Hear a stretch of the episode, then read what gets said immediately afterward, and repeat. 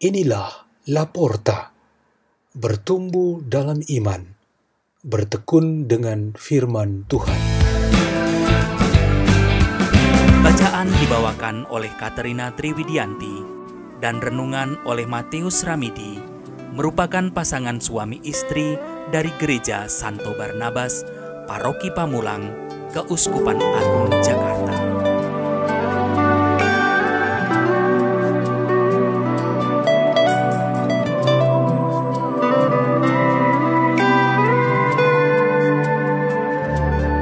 Bacaan dan renungan Sabda Tuhan hari Jumat Pekan Biasa ke-32 13 November 2020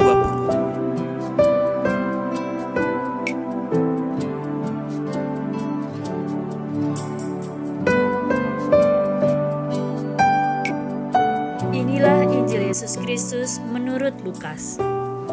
Pada suatu ketika, Yesus bersabda kepada murid-muridnya, "Sebagaimana halnya pada zaman Nuh, demikian pula kelak pada hari Anak Manusia.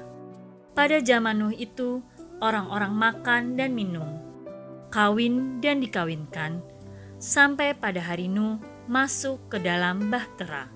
Lalu datanglah air bah dan membinasakan mereka semua. Demikian pula yang terjadi pada zaman Lot. Mereka makan dan minum, membeli dan menjual, menanam dan membangun, sampai pada hari Lot pergi dari Sodom. Lalu turunlah hujan api dan belerang dari langit, dan membinasakan mereka semua. Demikianlah halnya kelak pada hari anak manusia menyatakan diri. Pada hari itu, barang siapa sedang ada di peranginan di atas rumah, janganlah ia turun untuk mengambil barang-barangnya di dalam rumah. Demikian pula yang sedang di ladang, janganlah ia pulang. Ingatlah akan istri Lot. Barang siapa berusaha memelihara nyawanya, ia akan kehilangan nyawanya. Dan barang siapa kehilangan nyawanya, ia akan menyelamatkannya. Aku berkata, pada hari itu, kalau ada dua orang di atas ranjang, yang satu akan dibawa dan yang lain ditinggalkan. Kalau ada dua orang wanita yang sedang bersama-sama menghilang, yang seorang akan dibawa dan yang lain akan ditinggalkan. Para murid lalu bertanya, "Di mana Tuhan?" Yesus menjawab, "Di mana ada mayat, di situ berkerumun burung nazar." Demikianlah Injil Tuhan.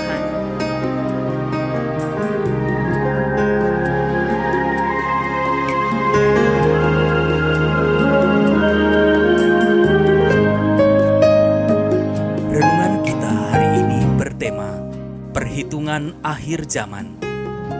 Hal tentang akhir zaman merupakan bagian dari iman kita dan menjelang akhir tahun liturgi yang tinggal satu dua minggu ke depan adalah saat-saat yang disediakan oleh gereja supaya kita merenungkannya dengan lebih mendalam. Pada hari ini, bagian dari Injil memperlihatkan itu sebagai hari anak manusia menyatakan diri. Yesus Kristus berbicara tentang dirinya sendiri. Akhir zaman merupakan suatu realitas iman yang baru akan terjadi nanti. Kita tidak bisa berpikir hanya dengan akal budi, tetapi harus juga dengan iman.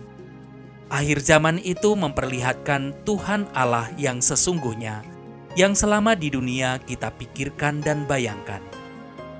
Bacaan pertama hari ini yang diambil dari surat kedua Santo Yohanes mengundang kita untuk senantiasa setia kepada semua ajaran Tuhan, khususnya tentang kebenaran dalam kasih mengasihi. Ini adalah jalan yang pasti bagi kita dalam menyongsong akhir zaman. Pernah ada suatu perayaan ulang tahun di dalam keluarga dan yang berulang tahun adalah seorang kakek berusia 85 tahun. Perayaan itu dihadiri oleh semua anak, mantu, dan cucu-cucunya. Salah seorang cucu perempuan bernama Felicia bertanya kepada kakeknya itu dan membuat semua orang dalam keluarga kaget. Ia berkata, "Opa sudah melihat Tuhan atau belum?"